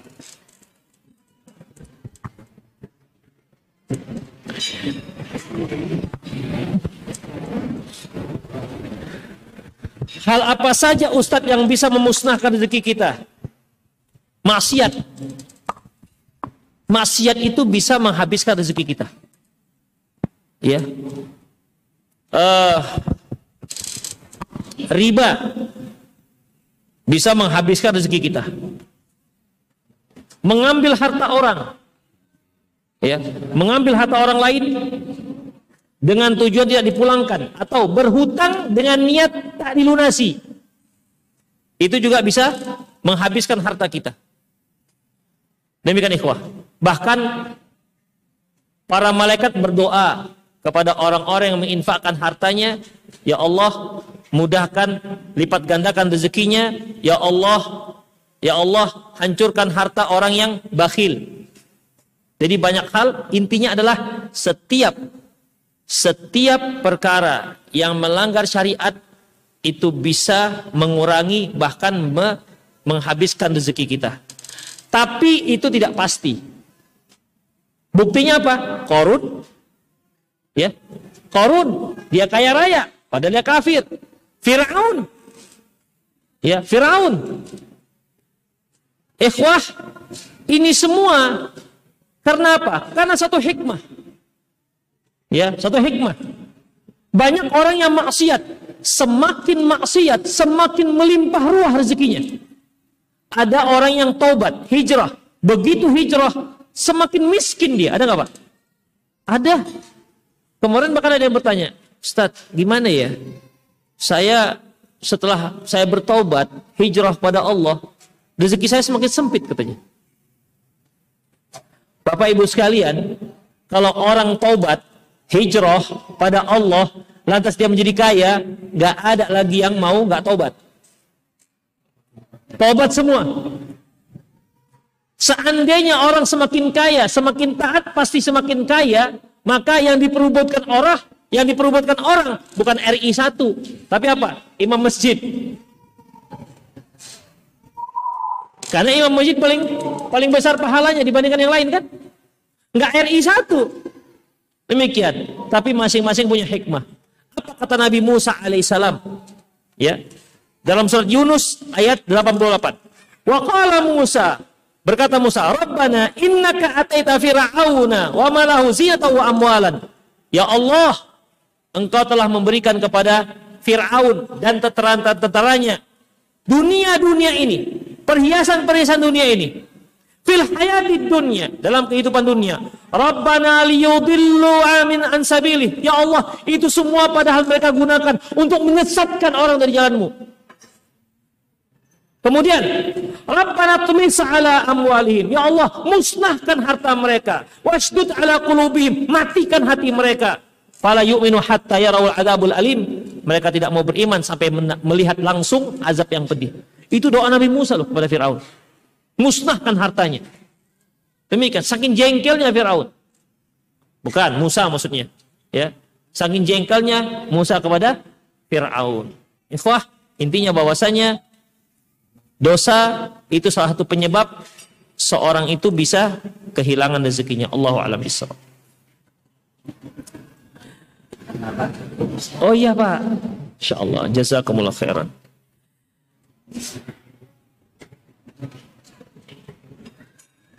Pak Purwanto Jog Jogo Yuda. Satu, fadilah keutamaan sholat duha. Fadilah keutamaan sholat duha. Orang-orang ada yang mengatakan kalau rajin sholat duha maka rezekinya akan akan tambah. Ya, melapangkan rezekinya. Allahu alam sampai sekarang saya belum menemukan hadis yang sahih tentang ini. Yang ada yaitu sabda Nabi Shallallahu Alaihi Wasallam setiap sendi manusia itu perlu disedekahkan. Perlu disedekahkan. Ya. Sendi kita ini ada sekian ratus, itu perlu disedekahkan. Atas nama sendi itu. Wa fi kulli tasbihatin sadaqah. Dengan cara bagaimana? Setiap tasbih itu sedekah. Wa fi kulli takbiratin sadaqah. Takbir itu sedekah. Wa kulli wa fi kulli tahmid sedekah. Setiap ucapan alhamdulillah itu sedekah. Wa awal amru bil ma'ruf sedekah. Wa nahil munkar sedekah. Amar ma'ruf sedekah dan melarang berbuat mungkar itu juga sedekah. Dan semua itu bisa di-cover dengan cara sholat dua rakaat duha. Ya, itu semua bisa terpenuhi dengan sholat dua rakaat duha. Hanya itu yang saya tahu. Allahu a'lam bishawab tentang masalah keutamaan sholat duha. Bolehkah sebelum qabliyah sholat fardu kita sholat taubat? Ikhwah rahimani Allah wa iyyakum. Sholat taubat itu bukan sholat yang dilakukan rutinitas, bukan. Ya, bukan rutinitas. Misalnya begini, ada seorang yang dia itu kerjaannya maling, mencuri. Ya, kerjaannya, profesinya. Pokoknya kalau ada ayam hilang dia lah itu. Dia punya cara bagaimana kalau ayam yang dipegangnya tidak bekotek. Tak berbunyi, silent. Saking profnya, saking profesionalnya, dia pegang ayam, ayam nggak berbunyi, nurut aja. Mungkin pawang ayam mungkin ya. Baik. Jadi orang ini taubat dari dari dosa besar tersebut. Dia sholat taubat. Boleh sholat taubat. Ya. Jadi bukan tiap hari sholat taubat. Jadi dari apa namanya dosa besar yang dia lakukan. Dia mohon pada Allah Subhanahu wa taala untuk pengampunan dosa. Boleh dia lakukan. Jadi bukan tiap hari ada yang ada yang uh, sholatnya sholat duha, sholat tobat sekalian. Enggak begitu cara pelaksanaannya. Allahu a'lam bishawab. Jadi ketika dia masuk masjid sebelum zuhur, qobliyah saja sudah. Ya, qobliyah saja. Adakah sedekah doa? Sedekah doa bila ada saudara minta bantuan, tidak bisa membantu, hanya bisa mendoakan uh, bu, uh, saya nggak ngerti dengan sedekah doa ini.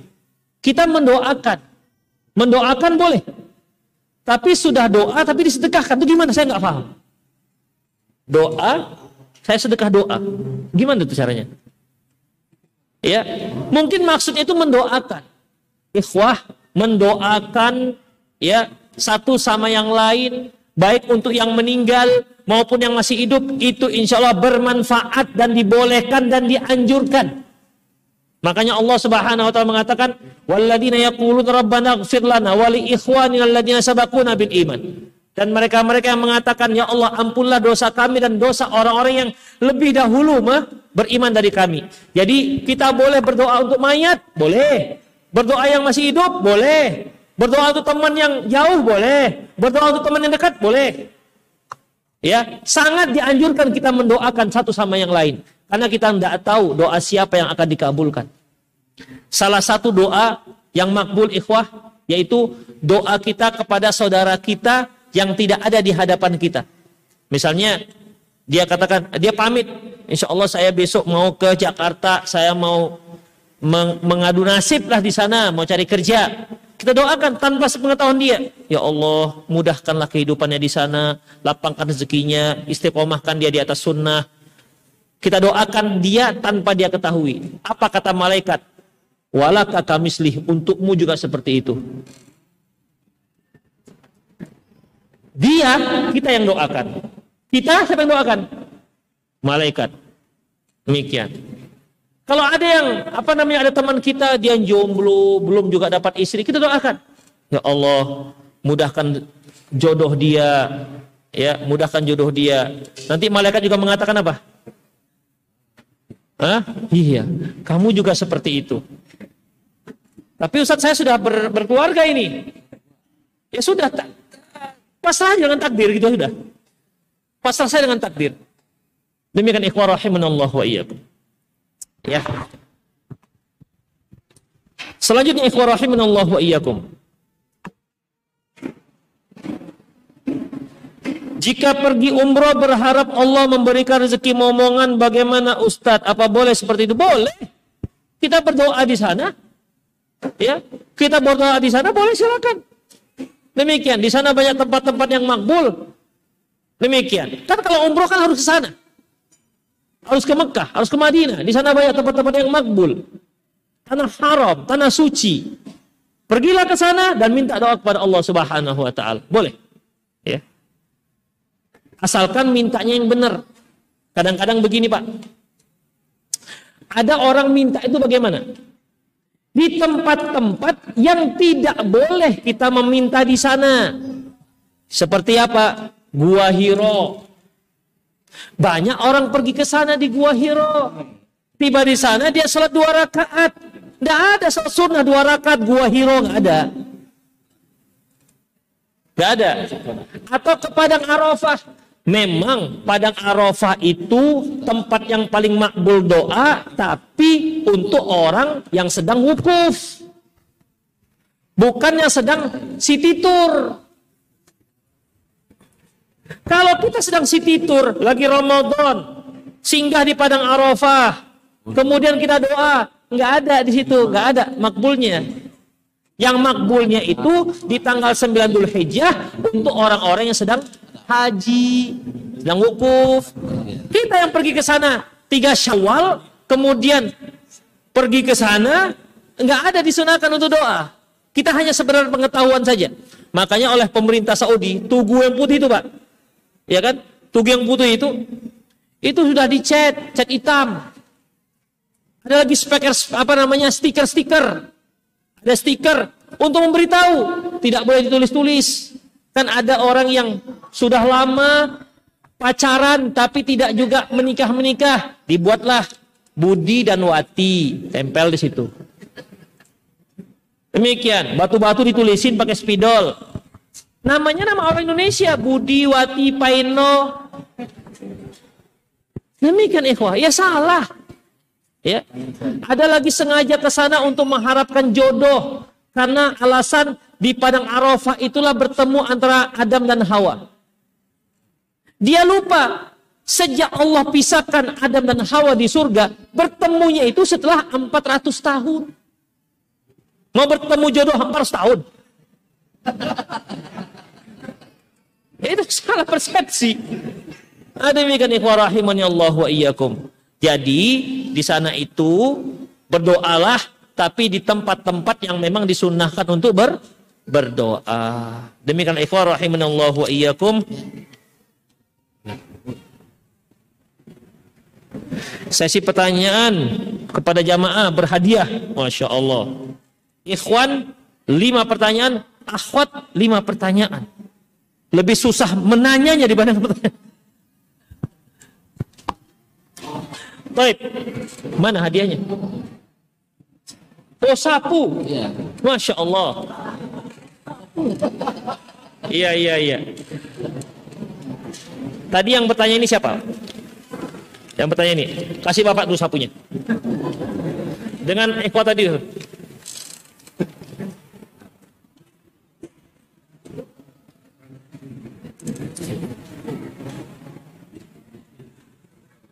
Baik. Iya, silakan Pak. Bapak mau tanya ya, nggak apa-apa. silakan.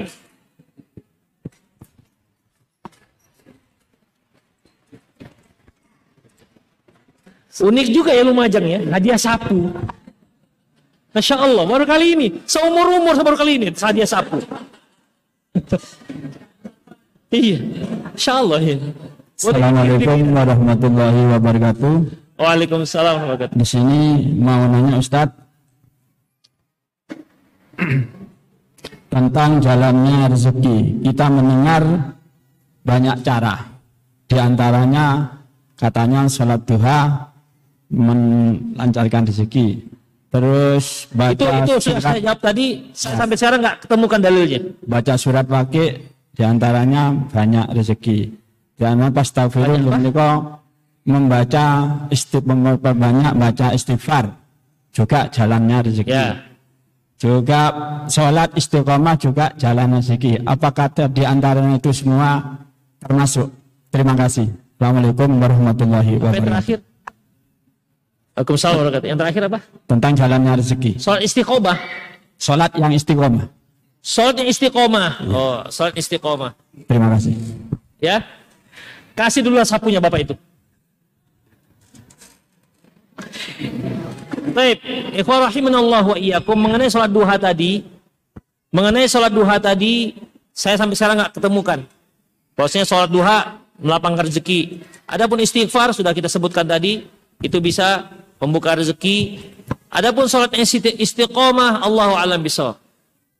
Perbuatan-perbuatan istiqomah, apakah itu bisa mendatangkan rezeki Allah alam bisawab tapi kalau kita artikan dia adalah untuk bertakwa kepada Allah Subhanahu wa taala istiqomah di atas takwa Allah Subhanahu wa taala wa may yattaqillaha ja'alahu makhraja barang siapa yang bertakwa kepada Allah Allah akan bukakan Allah akan beri dia solusi dari setiap permasalahannya wa yarzuqu min haitsu la yahtasib Allahu alam bisawab dan akan diberi rezeki dia dari arah yang tidak diduga-duga. Demikian. Ibu-ibu, ada yang mau tanya langsung dari kasih sapu? Masih ada stok sapu kita? Banyak lagi stok sapu kita? Ada. Oh, banyak. Eh, Bu, mau sapu, Bu? Silakan bertanya. Apa? Baju dan kukuhan perut. Ada. Untuk ahwat hadiahnya ada banyak. Iya, masya Allah. Disediakan. Pertanyaan untuk ahwat Islam. Silakan Bu. Oh, ada yang tanya? Ada yang tanya? Ada. Oh iya. Saya bertanya, jadi nggak ada yang bertanya ya? Enggak, gue langsung tahu. Padahal kalau ibu bertanya saya sapu juga. Ya, Saya mau tanya, Ya. ini masalah hak anak yatim, Ya. hukumnya gimana? hak anak yatim. Iya. Ya. Soalnya ini ada di kakaknya. Sertifikat. Anak kakaknya. Iya, anak saya anak yatim tapi hak hak hak, hak ahli waris buat anak yatim. Hak waris. Iya. Oke. Itu hukumnya gimana Ustadz? Apa lagi? Hah? Dipegang kakaknya. Iya. Kakaknya nggak ada di sini kan, Bu? Iya, rumahnya di saya tapi sertifikat Oh, iya. rumah ada di anak tiri. Ya anak bapak, Kurang paham. ya ada di saudaranya. Sebentar ya, Bu. Saya tanya penerjemah saya ini. Apa? Bismillah.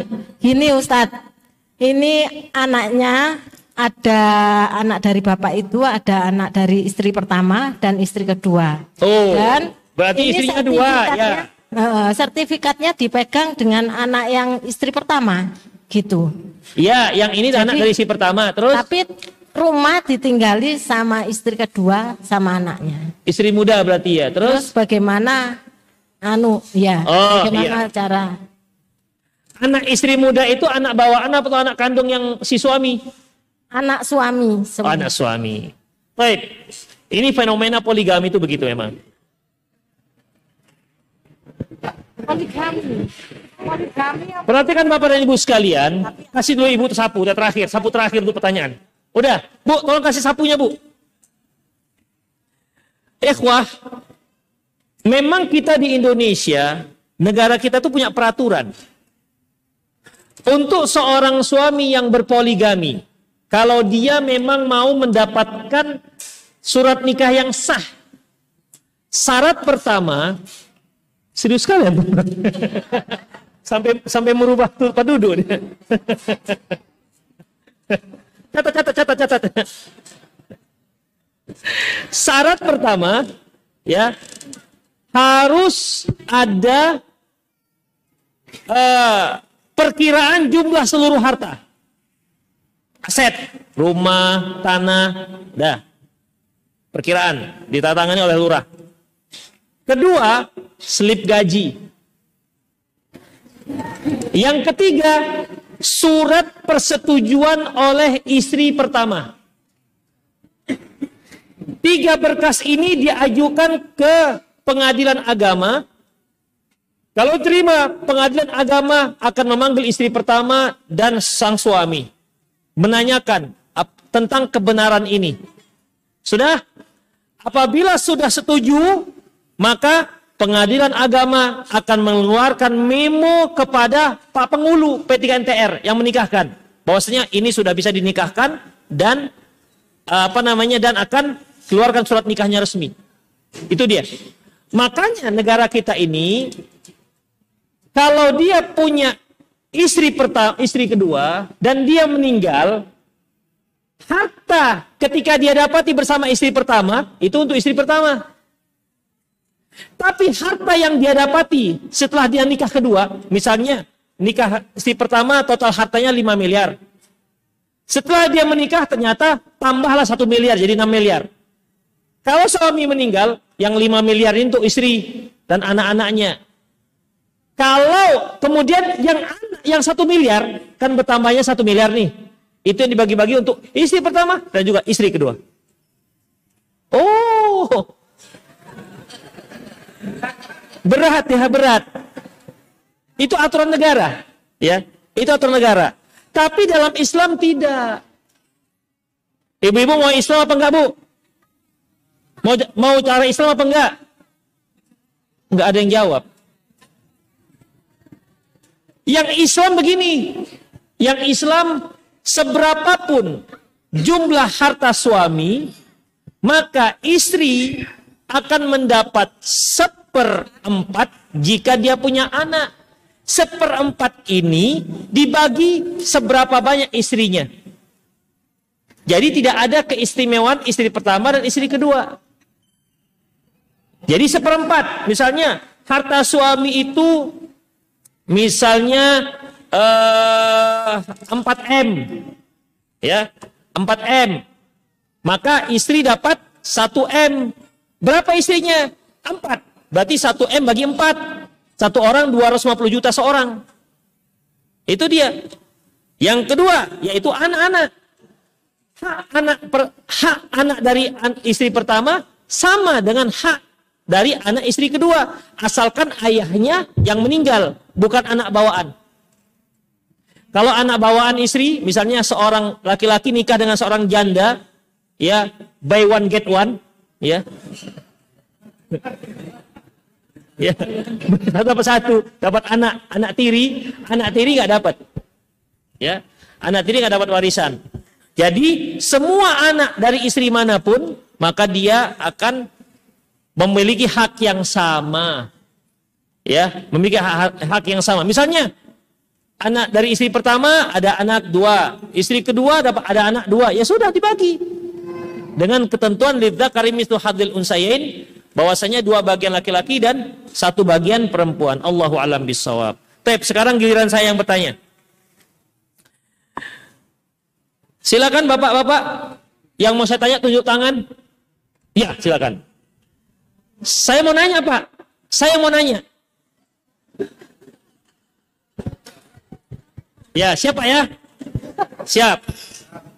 Nama Bapak siapa, Pak? Coba perkenalkan. Hah? Pak. Pak Munadi tinggal di mana, Pak? Tinggalnya di mana? Oh. Tinggalnya di mana? Kawahap. Iya, usia berapa, Pak? Pak Wiyati. 79. 79. Betul jawaban Bapak. Kasih sapunya. Itu pertanyaan saya. Nama Bapak siapa? Bapak tinggal di mana? Usia berapa? Betul kan jawaban Bapak? Nah, kasih sapunya. Siapa lagi yang mau tunjuk tangan? Biar saya tanya.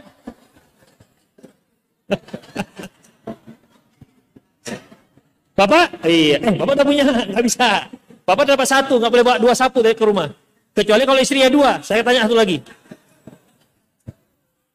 Monggo Pak, ngacung Pak.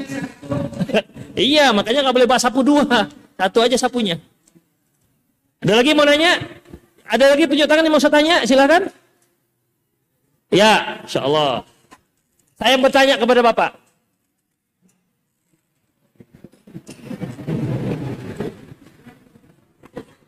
Jawab ya Pak. Bismillahirrahmanirrahim. Assalamualaikum Pak Ustaz. Bapak itu mau bertanya. Waalaikumsalam warahmatullahi Saya ada yang mau saya tanyakan sama Pak Ustadz. Kalau waktu sholat, sebelum sholat, kita menjemur pakaian, Pak. Ya. Tapi sebelum sholat itu nggak ada hujan, nggak ada mendung. Nah setelah ikut berjamaah, hujan deras, dia bilang Allahu Akbar. Itu ingat sama jemurannya, Pak. Gimana, Pak Ustadz? Ini ada question apa ini? Karena jemurannya banyak, Pak. Ya, gimana gimana? Ini bagaimana? Apakah sah? Apakah hendak? Oh, sholat ingat jemuran. Iya. Hah? Iya, kepikiran jemuran. Jadi Allahu Akbar, jemuran, jemuran, jemuran, jemuran gitu. Ya, ingat sama jemuran. Iya. Apakah sah kita sholat sementara yang teringat jemuran, takut hujan? Iya. Kalau teringat, tidak masalah, nggak batalkan sholatnya. Tapi kalau al-fatihahnya diganti dengan jemuran, jemuran, jemuran, itu batal pak. Iya. Ya. Kalau al-fatihahnya yang harusnya alhamdulillah rabbil alamin, bapak ganti dengan jemuran, jemuran, jemuran, jemuran. Nah itu batal. Ya, mohon maaf. Terima kasih, Pak Ustadz. Iya, jadi nggak apa-apa. Yang penting Bapak tetap baca Al-Fatihah, tetap ruku, tetap sujud, sudah. Insya Allah tetap nggak batas sah sholatnya. Tapi tetap ingat rakaatnya. Jangan lupa rakaat. Ya, Bapak ingat-ingat Bapak rakaatnya. Oke, kasih Bapak itu sapu. Kalau Pak Jokowi sepeda ini sapu, sama-sama S. Baik, saya mau nanya. Tapi nggak dapat sapu, Pak. Habis sapunya? Oh, habis sapunya. Ya silakan, Pak. Untuk mahat Ustaz. Iya, nggak apa-apa. Kasih Bapak ini mau nanya. Bapak ini mau nanya. Assalamualaikum warahmatullahi Sebentar, sebentar. Dari kemarin semenjak di Surabaya, yang nanya itu kakek-kakek semua. Sini juga begitu. Eh, kakek, kakek, kakek, kakek, kakek semua. Masya Allah. Memang kakek-kakek sekarang hebat ya. Kakek-kakek Jawa Timur ini. Silakan Pak. Assalamualaikum warahmatullahi wabarakatuh. Waalaikumsalam warahmatullahi wabarakatuh. Saya ini memungut anak perempuan. Nah, maksud saya gini, apakah anak memungut itu termasuk bisa mendoakan diterima oleh Allah? Terus yang kedua, kan saya takut dosa. Itu yang menjadi wali hakim itu siapa? Itu. Itu saja sudah. Terima kasih. Wassalamualaikum warahmatullahi wabarakatuh. Ya. Untuk ayat kedua. Wali hakim. Perempuan berarti Pak? Hmm. Ya. Ikhwan rahimallah wa iyyakum pertanyaan Bapak yaitu Bapak punya anak angkat. Ya. Apakah dia bisa mendoakan? Yang kedua, apakah siapakah wali apa yang menikahkannya? Ikhwan rahimallah wa iyyakum, kita harus perhatikan bahwasanya anak angkat ini bukan anak kita. Tapi dia adalah anak orang tuanya. Kalau dia menikah, misalnya dia perempuan nih, kalau dia menikah, maka yang menikahkannya adalah ayah kandungnya, bukan ayah angkatnya. Kalau ternyata ayah angkatnya sudah meninggal dunia, maka adik atau abang ayahnya atau sudah tak diketahui lagi di mana keluarganya si anak ini. Kalaupun dia keluarganya masih hidup, nggak tahu di mana rimbanya. Kalaupun keluarganya sudah meninggal semua, nggak tahu juga di mana pusaranya, nggak jelas. Jadi bagaimana? Dia boleh dinikahkan oleh wali hakim pemerintah, bukan oleh ayah angkat. Ya, oleh wali hakim. Kemudian Apakah doanya akan sampai? Semua doa sampai. Bukan hanya dengan anak.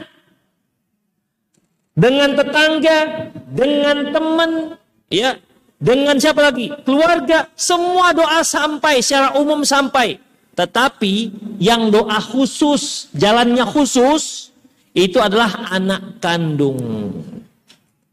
Karena waladun soleh yada'ulah anak yang mendoakannya. Kalau yang ini khusus anak kandung, bukan anak angkat. Ya, dia punya jalur khusus untuk doa. Tapi untuk mendoakan anak angkat, istri, tetangga, teman, semua doa sama kaum muslimin itu akan diterima oleh Allah Subhanahu wa taala. Demikian, ya. Jadi makanya kan ada isi doa Allah maghfir lil muslimina wal muslimat wal mu'minina wal mu'minat al ahya'u minhum wal amwat. Yang meninggal yang masih hidup dan yang masih yang sudah meninggal. Secara umum kita doakan seluruhnya. Demikian Pak. Allahu a'lam bissawab. Udah habis waktu kita? Ya. Jadi ibu ngapa ya? Sapunya biarkan aja lah ya. Hah? Besok umahat enggak Ustaz? Ibu-ibu silakan Silakan pertanyaan dijawab pertanyaan saya. Silakan jawab pertanyaan saya. Pertanyaan saya siapa ibu-ibu yang paling tua di situ? Siapa yang paling tua? Yang paling tua. Siapa yang paling sepuh? Piro, Bu?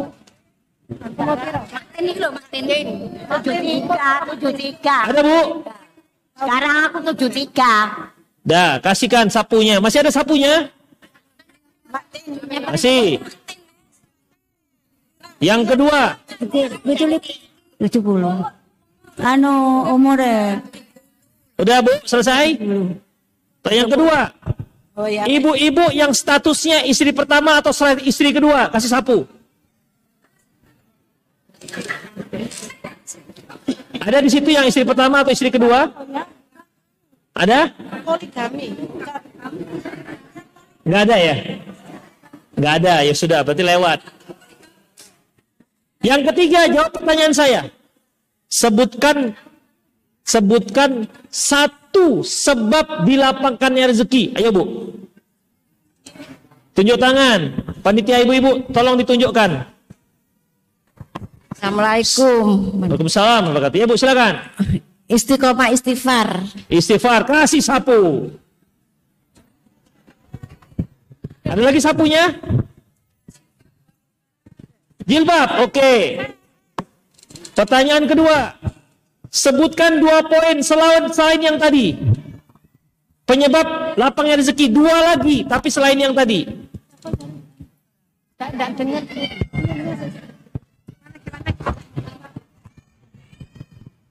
Dilapangkan rezekinya. Eh, menyambung silaturahmi. Ada Bu? Menyambung silaturahmi. Satu, satu lagi.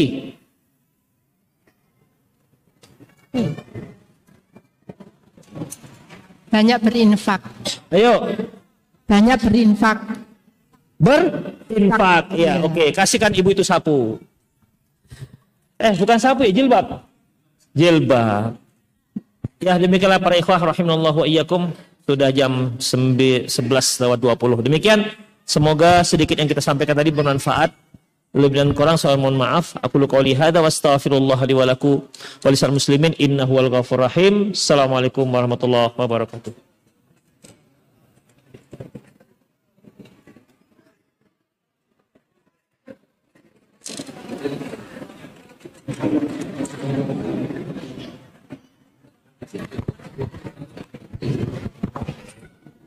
Demikianlah eh, pengajian bersama Al Ustadz Ali Nur LC Hafizullah Ta'ala. Semoga menjadikan kita wawasan dan bermanfaat buat kita semuanya. Eh, kami umumkan kepada para jamaah, silakan bagi para jamaah untuk mengambil makan siang. Habis itu eh, ada hadiah dari takmir masjid Madinah Lumajang.